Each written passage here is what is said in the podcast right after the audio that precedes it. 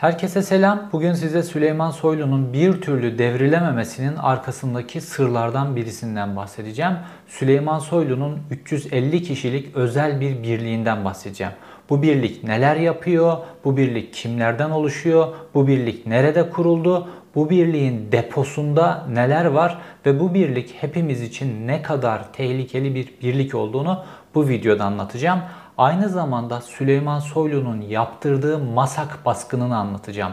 Masak baskınını Süleyman Soylu yaptırdıktan sonra ve Berat Albayrak'a rağmen yaptırdıktan sonra Süleyman Soylu'nun gücündeki patlamanın boyutlarını anlatacağım ve orada dönen bütün kumpasları anlatacağım. Huzurlarınızda yine dop dolu, yine bilgi dolu bir video.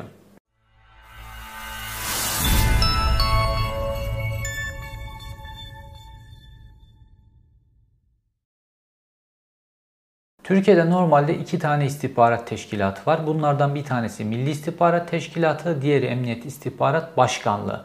Bunun yanında jandarmanın, genelkurmayın filan istihbarat teşkilatları var ama esas olarak temel iki büyük istihbarat teşkilatı bunlar.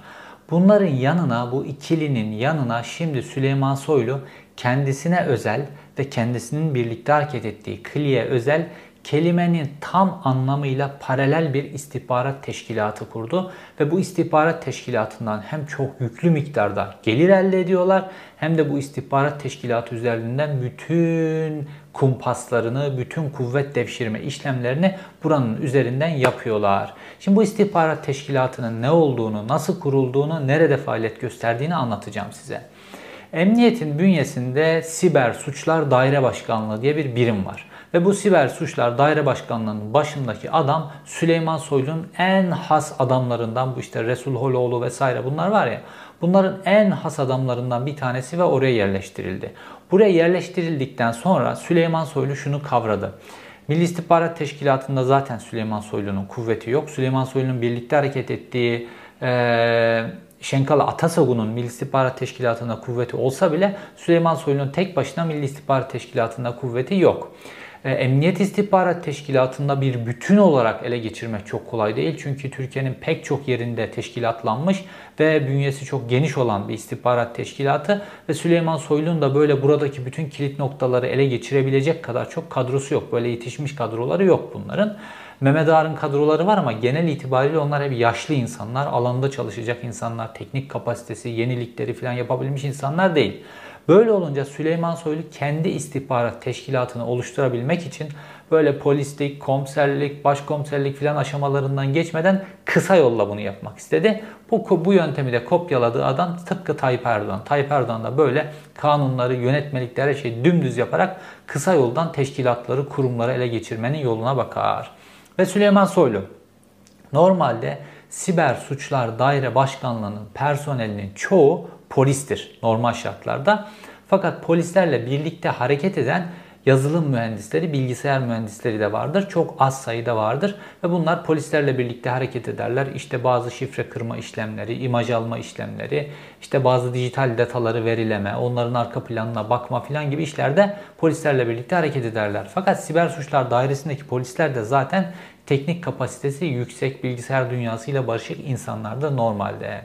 Şimdi Süleyman Soylu burada bütün fırıldağını çevirebilmek için burada bazı değişiklikler yaptı ve polis sivil dengesini darmadağın etti. Şu an günümüzde Siber Suçlar Daire Başkanlığı'nda 130 tane kadar polis var, 130 kadar polis var, 350 tane sivil personel var. 130 polis, 350 sivil personel. Dengeyi tamamen darma duman etti.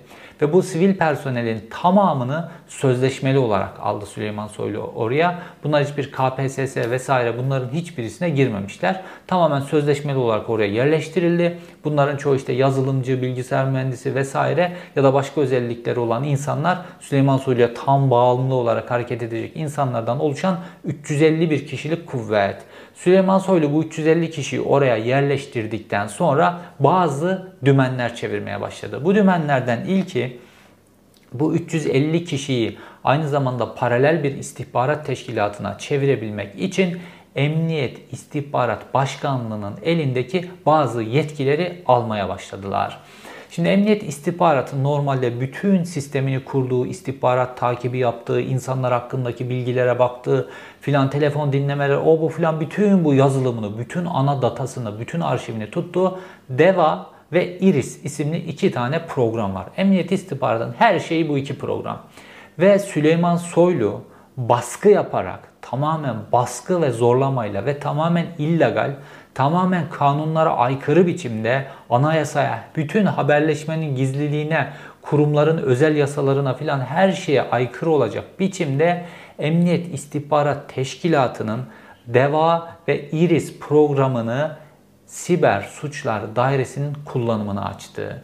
Dolayısıyla Siber Suçlar Dairesi'ndeki bu 350 kişi yani polis dahi olmayan, emniyetin e, eğitimlerinden dahi geçmeyen sivil tek özellikleri Süleyman Soylu'ya bağlılık olan bu 350 kişi Türkiye'deki bütün herkesin güvenliğini ilgilendiren Emniyet İstihbarat Başkanlığı'nın bütün veri tabanına, bütün güncel girdikleri istihbarata, bütün geçmişe ait istihbarata, bütün ne kadar data varsa hepsine ulaşabiliyorlar.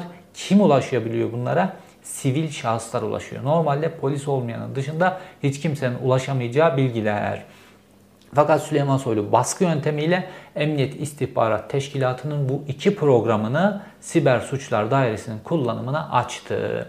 Şimdi bu kullanımı açtıktan sonra Siber Suçlar Dairesi'ne ayrı yetenekler kazandırılmaya başlandı ve her biri 10 terabayttan oluşan hard diskler alınmaya başlandı Siber Suçlar Dairesi'ne ve her biri 10 terabayttan oluşan böyle 100 önce 100'dü sonra bunun sayısı 200'e çıktı. İhtiyaç oldukça arttırıyorlar. 200 tane her biri 10 terabayttan oluşan bir hard disklik bir arşiv oluşturdular.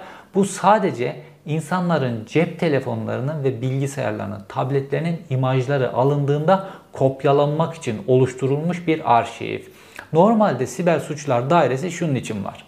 Siz herhangi bir suçlamayla gözaltına alındınız ve bu gözaltında 134. maddeye göre sizin işte dijital e, cihazlarınızın da kopyalanması ile ilgili savcılık bir izin verdiyse bu izin çerçevesinde imajı alınıyor sizin cep telefonunuzun, tabletinizin, bilgisayarınızın. Sonra siber suçlar dairesine gönderiyor. Siber suçlar dairesi bu imajı açıyor ve bu imajla ilgili işte suçla ilgili şeyler varsa, sizin gözaltına alındığınız suçla ilgili konular varsa onların hepsini yazılı hale getiriyor, savcılığa gönderiyor. Ondan sonra da buradaki bütün bu imajın yok edilmesi lazım. Siber suçlar dairesinde bu imaj kalamaz. Ondan sonra bunun sizin dosyanıza gönderilip adli olarak mahkemelerde savcılıkta olması gerekiyor.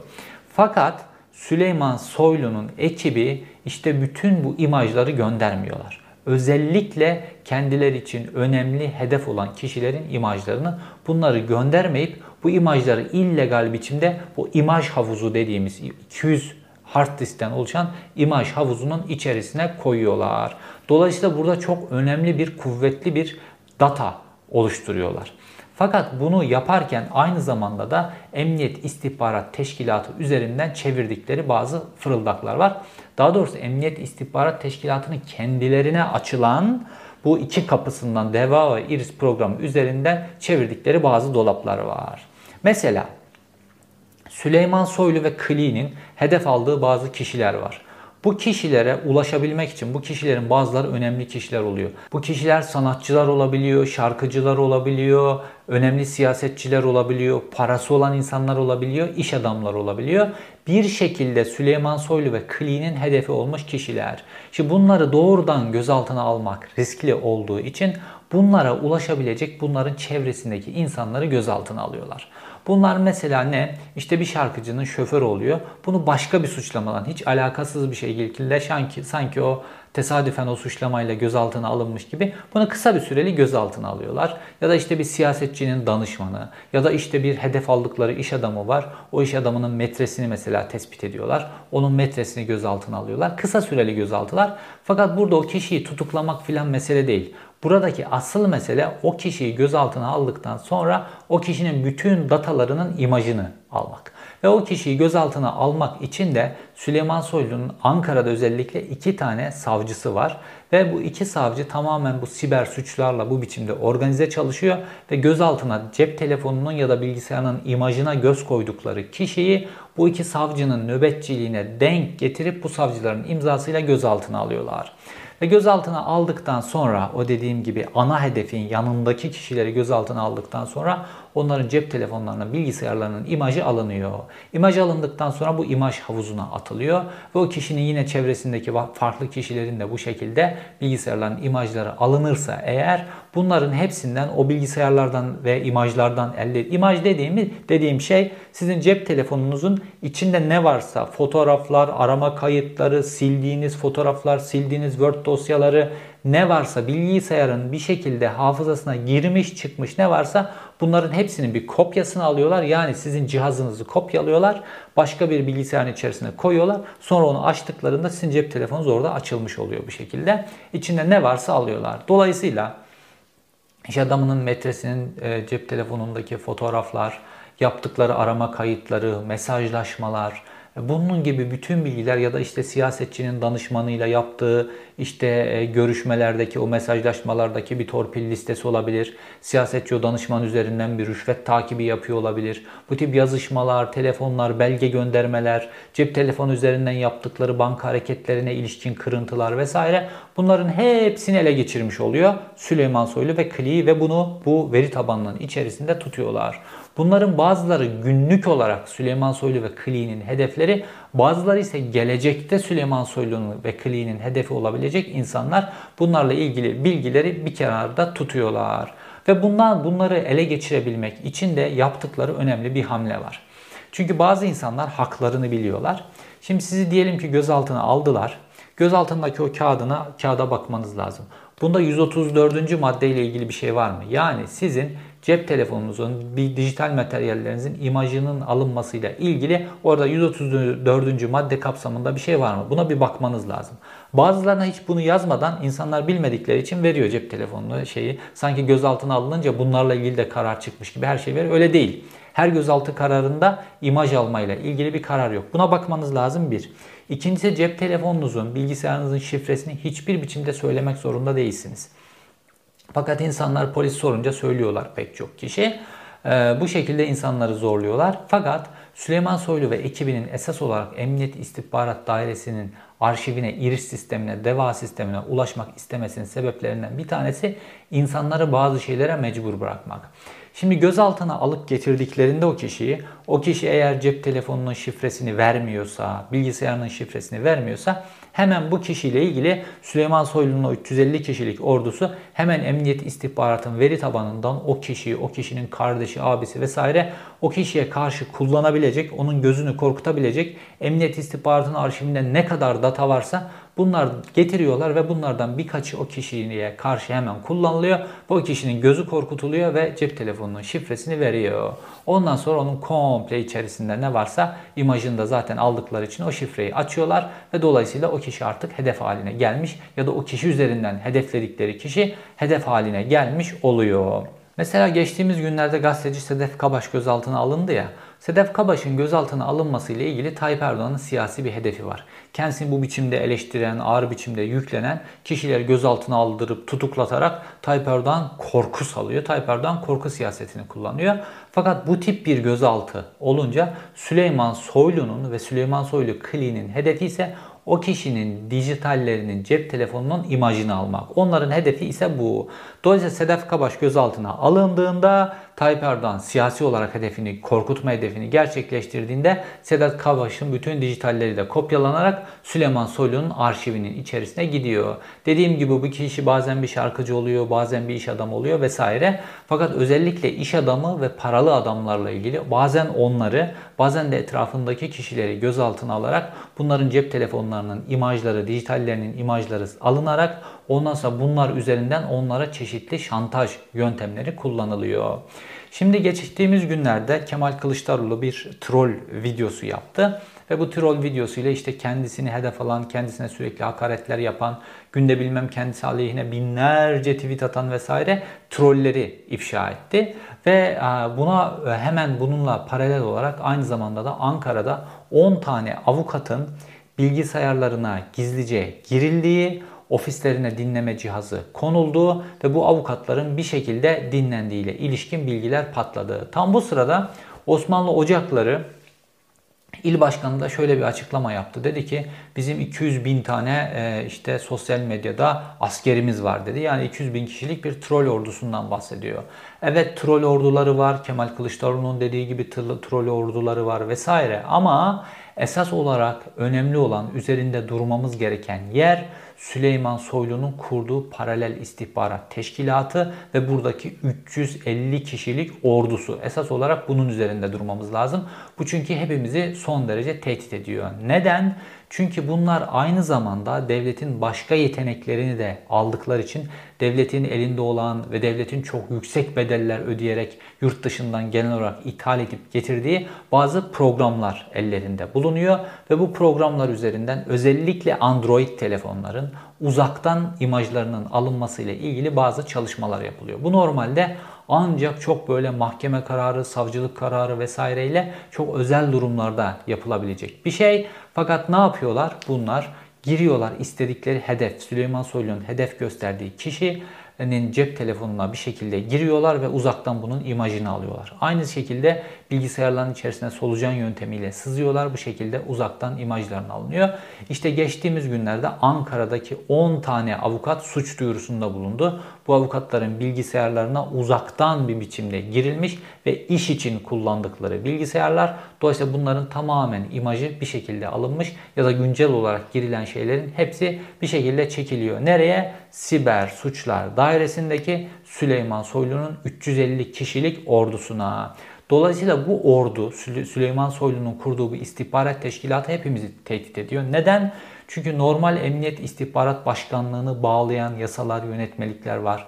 Milli İstihbarat Teşkilatı'nı bağlayan yasalar, gerçi inanılmaz dokunulmaz hale getirildi ama yine de var belli yasalar, yönetmelikler. Fakat burada tamamen illegal ve paralel bir istihbarat teşkilatı kurulmuş durumda. Hiçbir yasal bağlayıcılığı yok. Personeli hiçbir eğitimden geçirilmemiş. Tamamen sivil personel alınıp getirilmiş ve bu sivil personele Emniyet İstihbarat Teşkilatı'nın DEVA ve IRIS veri tabanının içerisine girme yetkileri verilmiş. Dolayısıyla bu hepimiz için inanılmaz bir tehlike. Fakat bu Süleyman Soylu ve onun arkasındaki kliğin esas peşinde oldukları mesele para. Bunların bütün motivasyonu, bütün bu ülkedeki güçleri ele alma meseleleri, onların bunların hepsinin arkasında para var, rant var, talan var. Bunlar daha büyük rant, daha büyük talan e, yapabilmek için aynı zamanda da kuvvetli olmalılar. Bu şekilde dediğim gibi bu 350 kişiyi siyasiler, kuvvetli kişiler, yargıçlar, hakimler, yargıtay üyeleri, Anayasa Mahkemesi üyeleri vesaire bunların hepsini kafesleyebilmek için onlar, onların yakındaki insanlar, bazen gönül ilişkileri olan insanlar bunların hepsini cep telefonlarının imajlarını bir şekilde toplayıp bir havuzun içerisine atıyorlar. Şimdi birazdan masa neden bastıkları ve masak üzerinden bu baskından sonra nasıl rantı ele geçirdiklerine geleceğim. Fakat bu havuzdan biraz bahsetmem lazım. Şimdi imajlar bu havuzun içerisine atılınca ne oluyor? Sonuçta bir sürü data oluyor. Gigabaytlarca data bu havuzun içerisinde oluşuyor. Terabaytlarca data. Fakat aynı zamanda bununla ilgili bir yazılım da satın aldılar. İki tane yazılım daha doğrusu. Biliyorsunuz dünyada vatandaşlarını en iyi takip eden e, ve çevresindekileri en iyi takip eden hatta bunun için illegal yöntemleri de kullanmaktan çekinmeyen iki tane ülke var. Bunların bir tanesi Çin, bir tanesi de İsrail. Dolayısıyla Çin'den ve İsrail'den iki tane yazılım satın aldılar. Böyle büyük imajlar için ve bu iki yazılımı da kullanıyorlar. Dolayısıyla bir havuz düşünün. O havuzu içerisinde binlerce kişinin cep telefonlarının imajları var. Ve bu bilgisayar programını çalıştırdığınızda, bu İsrail ve Çin'den aldığınız bilgisayar programını çalıştırdığınızda diyelim bir isim giriyorsunuz. Bir isim girdiğiniz zaman bütün o imajlar, o depoda bulunan bütün o binlerce imajın içerisinden o kişiyle ilgili bütün bilgiler geliyor. O kişi kimlerin cep telefonlarında kayıtlı. O kişiyle neler yazışmışlar mesela o an WhatsApp'tan alınan yazışmaları varsa neler yazışmışlar, neler mailleşmişler, cihazlarda ne varsa e, farklı başka bütün temasları, fotoğraflar, beraber çekildiği fotoğraflar vesaire bunların hepsini çekip size getirip anlamlı bir hale getiriyor. Aynı zamanda da bu yazılım size bir ağ çıkarıyor. Dolayısıyla sonrasında bu işi o kadar kolaylaştırıyor ki o hedef kişiye yönelik bir operasyon yapılacaksa, buna yönelik bir baskı, yıldırma vesaire yapılacaksa kimler üzerinden gidilecek, nasıl gidilecek bunların hepsiyle ilgili bütün veriler oluyor. Aynı zamanda da o kişiyle ilgili birisinin cep telefonunda bir mahrem görüntü varsa, o varsa, bu varsa bunların hepsi de çıkıp getiriliyor bu yazılım üzerinden Süleyman Soylu'nun avuçlarının içerisine bırakılıyor. Şimdi gelelim Masak baskınına ve Süleyman Soylu'nun kuvvetini ve para gücünü böyle büyük bir aşamaya getirdiği, büyük bir atlama yaptığı Masak baskını gününe. 30 Haziran 2020'de Masak'a bir baskın yaptı polis. Masak Mali Suçlar Araştırma Kurulu Başkanlığı. Yani Türkiye'de para, kara para, kirli para, parayla ilgili dönen bütün dolaplar vesaire bunlarla ilgili ne varsa Türkiye'de Masak'ta var ve Masak'ta çok büyük bir veri tabanı var kim kime para göndermiş, o para nereden gelmiş vesaire onu o kadar dipsiz bir sistemleri var ki ta paranın izini her biçimde e, takip edebileceğiniz bütün veriler masakta. Yani Türkiye'de kimde para var, kimde para yok hepsinin bilgisi masakta var. Çünkü bazı insanlar legal işte adamın fabrikası var, mal varlığı var vesaire bunlar gözüküyor. Fakat bunlar genelde mal varlığı gözde görülebilecek şekilde olan kişiler genelde çok biraz böyle legal oluyor işleri. Bunların üzerine gitmek çok mümkün değil. Fakat bazı kişiler var ki bunların elinde de çok büyük para var ya da görünenden çok daha fazla büyük parası var. Dolayısıyla bu kimde para var, kimde para yok bilgisi çok önemli. Özellikle de Türkiye'de son yıllarda nereden buldun şeklindeki kural hiçbir biçimde uygulanmadığı için yurt dışından para getirmekte son derece kolaylaştırıldığı için bazı bilinmeyen kişilerde çok yüksek miktarda para var. Dolayısıyla kimde para olduğu bilgisi önemli ve bu bilgiler de masakta.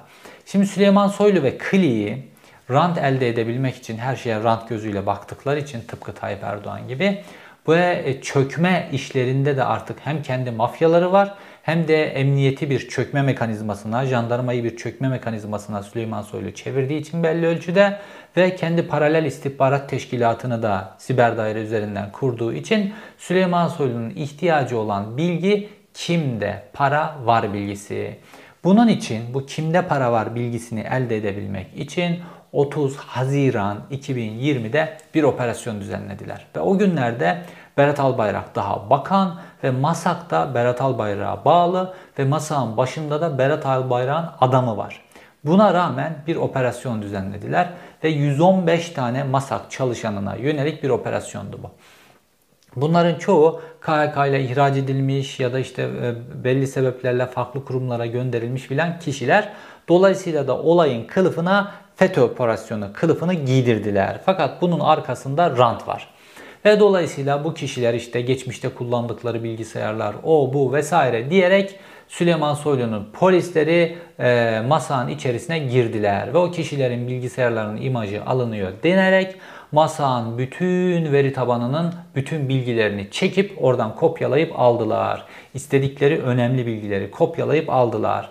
Ve ondan sonra bütün bu bilgiler geldi Siber Suçlar Dairesi'ne. Siber Suçlar Dairesi'ne geldikten sonra bunun için özel hard diskler oluşturuldu ve bunların içerisine konuldu. Siber daireye bu konulduktan sonra Süleyman Soylu'nun artık elinde kimin parası var bilgisi oluştu. Bu öylesine önemli ve büyük bir data ki dediğim gibi birine para gelmiş, birinde para var. O para kimden gelmiş, ona kimden gelmiş, ona nereden yatmış filan. Bütün bu izi sürebileceğiniz bir data. Bu şu an Süleyman Soylu'nun eline geçmiş olduğu. Ondan sonra kime çökeceklerini artık öğrenmiş oldular ve ondan sonra bu çökme işlemlerinde farklı bir kılıf kullanmaları gerekiyor. Bu farklı kılıfta ne? Emniyet istihbarat teşkilatının verileri. Çökecekleri şahsı, parası olan şahsı öğrendikten sonra artık o şahsı takip ettirme meselesi geliyor. Ve o şahısla ilgili işte savcılıktan, oradan, buradan ya da emniyet teşkilatından Resulü Holoğlu ve onun ekibi bütün o kulakçık programı vesilesiyle e, kilit noktalara koydukları ekip üzerinden takipler başlatılıyorlar. Bu takiplerle elde edilen istihbari veriler Emniyet e, İstihbarat Başkanlığı'nın veri tabanına giriyor. Emniyet İstihbarat Başkanlığı'nın veri tabanını da Masak'taki 350 tane Süleyman Soylu'nun e, askeri gördüğü için bunları onlar da oradan çekiyorlar bunları. Daha sonra bu kişiyi bir biçimde kafesleyip gözaltına alıp ya da bunları götürüp onun önüne koyarak bu işi hallediyorlar. Ve siber suçlar dairesini de öyle bir kilit pozisyona getirdiler ki bunun için Emniyet İstihbarat Başkanlığı'nın özellikle Emniyet İstihbarat Başkanlığı üzerinde bir baskı mekanizması oluşturmak için ve bu şekilde hiçbir biçimde siber suçların, siber dairenin çevirdiği dolaplara karşı çıkamasın diye her ay Emniyet İstihbarat Başkanlığı'nın bütün log kayıtlarını getiriyorlar siber daireye. Normalde getirilmesi mümkün değil. Fakat getiriyorlar. Dolayısıyla siber dairede hangi memur hangi log kaydı var? Yani log kaydı ne demek biliyor musunuz? Hangi memur bu iki emniyetin DEVA ve IRIS programı üzerinden neyi incelemiş, neye bakmış, kiminle ilgili araştırma yapmış vesaire bunların hepsi oradan görülüyor bu log kayıtlarından. Dolayısıyla bunun siber daireye gittiği de bilindiği için hiçbir memur çünkü burada bazı bazı böyle legaliteyi zorlayan şeyler de oluyor bu sorgular içerisinde. Bakmamaları gereken yerlere de bakıyorlar bazen memurlar. Dolayısıyla da bu siber dairenin çevirdiği bütün bu dolaplara artık Emniyet İstihbarat Başkanlığı da sesini çıkartamıyor. Dolayısıyla siber dairede artık bunlar istediklerini sorguluyorlar. istediklerini sorguyla elde ettikleri o bilgiler üzerinden o kişiye çökerken bunları kullanıyorlar. İstediklerini bu bilgiler üzerinden takip ettirip onunla ilgili savcılık dosyası hazırlayıp ondan sonra bununla ilgili şantaj kuruyorlar. Çünkü polisin elinde çok fazla kuvvet var. Savcılık bir kişiyle ilgili soruşturma başlatsa bile polis o dosyanın içini doldurmakla ilgili ayağını direrse savcılık kolluk kuvvetini kullanamadığı için ister istemez o dosya kadük kalıyor. O dosya istediği kadar olgunlaşmıyor. Ve bu dosyalarla savcıyla çalışacak polisleri de oluşturma kuvvetlerinde, oluşturma biçimlerini de aynı zamanda kulakçık programı üzerinden yapılıyorlar. Bunu başka bir videoda detaylı biçimde anlatmıştım. Hangi polisi hangi dosya vereceklerine ilişkin bütün bilgiler kulakçık programının içerisinde. Çünkü kirli polislerle ilgili bütün bilgiler kulakçık programı içerisinde. Aynı zamanda da siber dairenin Emniyet İstihbarat Teşkilatı'nın veri tabanına ulaşabilme yetkisini aynı zamanda da bu kulakçık programının içini doldurmak için de kullanıyorlar. Bu şekilde Süleyman Soylu'nun elinde paralel hiçbir yasaya, hükme, yönetmeliğe bağlı olmayan bir paralel istihbarat teşkilatı var ve bununla ilgili de 350 tane askeri var burada ve bunları tepe tepe kullanıyor. Aynı zamanda orada polisler var. Onları da kullanıyor vesaire ve tamamen kanunsuz, hükümsüz bir biçimde e, Türkiye'de bir istihbarat teşkilatı işleterek Türkiye'deki iş adamlarına, sanatçılara, önemli siyasetçilere çöküyorlar bunlar üzerinde baskı oluşturuyorlar ve hiç kimsenin de özel e, hayatı güvende değil. Neden? Çünkü buradaki yetkileri, buradaki imkanları kullanarak aynı zamanda insanların bilgisayarlarına haberi olmadan da sızabiliyorlar. Cep telefonlarına da haberi olmadan sızabiliyorlar. Peki masak operasyonu olduktan o 115 kişi gözaltına alındıktan sonra ne oldu? 115 kişi gözaltına alındıktan sonra bir kişi tutuklandı, 114 kişi ise serbest bırakıldı. Çünkü Burada operasyon yapacak bir durum da yoktu. Süleyman Soylu ve ekibinin sadece hedefi MASAK'ın o veri tabanını almaktı ve bu veri tabanını da bir şekilde aldılar. Ondan sonra zaten o 114-115 kişiyle ilgili de doğru düzgün hiçbirisiyle ilgili bir şey yok. Onların hepsi serbest kaldılar. İçlerinden sadece bir tanesi tutuklandı. Fakat bu 115 kişi bir mağduriyet yaşadılar, gözaltına alındılar e, telefonlarının, bilgisayarlarının imaj alındı falan bu kimin umurunda? Ve bu siber suçlar üzerinden o kadar çok böyle şeyler yapıyorlar ki ve daha sonra insanlar sürekli tazminat davası da açıyorlar aslına bakarsanız devlete. İşte haksız yere gözaltına alındım, kovuşturmaya gerek olmadığına dair karar çıktı, haksız yere telefonumun imajı alındı filan bununla ilgili dava açıyorlar ve davaları kazanıyor. Bununla ilgili tazminatları da devlet ödüyor. Yani Süleyman Soylu'nun çevirdiği bütün bu kirli işlerin karşılığındaki tazminatı da aynı zamanda devlete ödettirmiş oluyorlar. Şimdi herkes troll ordusu üzerinde duruyor. Kemal Kılıçdaroğlu troll ordusu üzerinde duruyor vesaire. Evet trollerin sosyal medyada yaptıkları çok fazla operasyon var, kirli operasyon var. Fakat esas olarak Süleyman Soylu'nun bu gizli istihbarat teşkilatı ve bu gizli ordusunun üzerinde durulması gerekiyor. İzlediğiniz için teşekkür ederim. Bir sonraki videoda görüşmek üzere.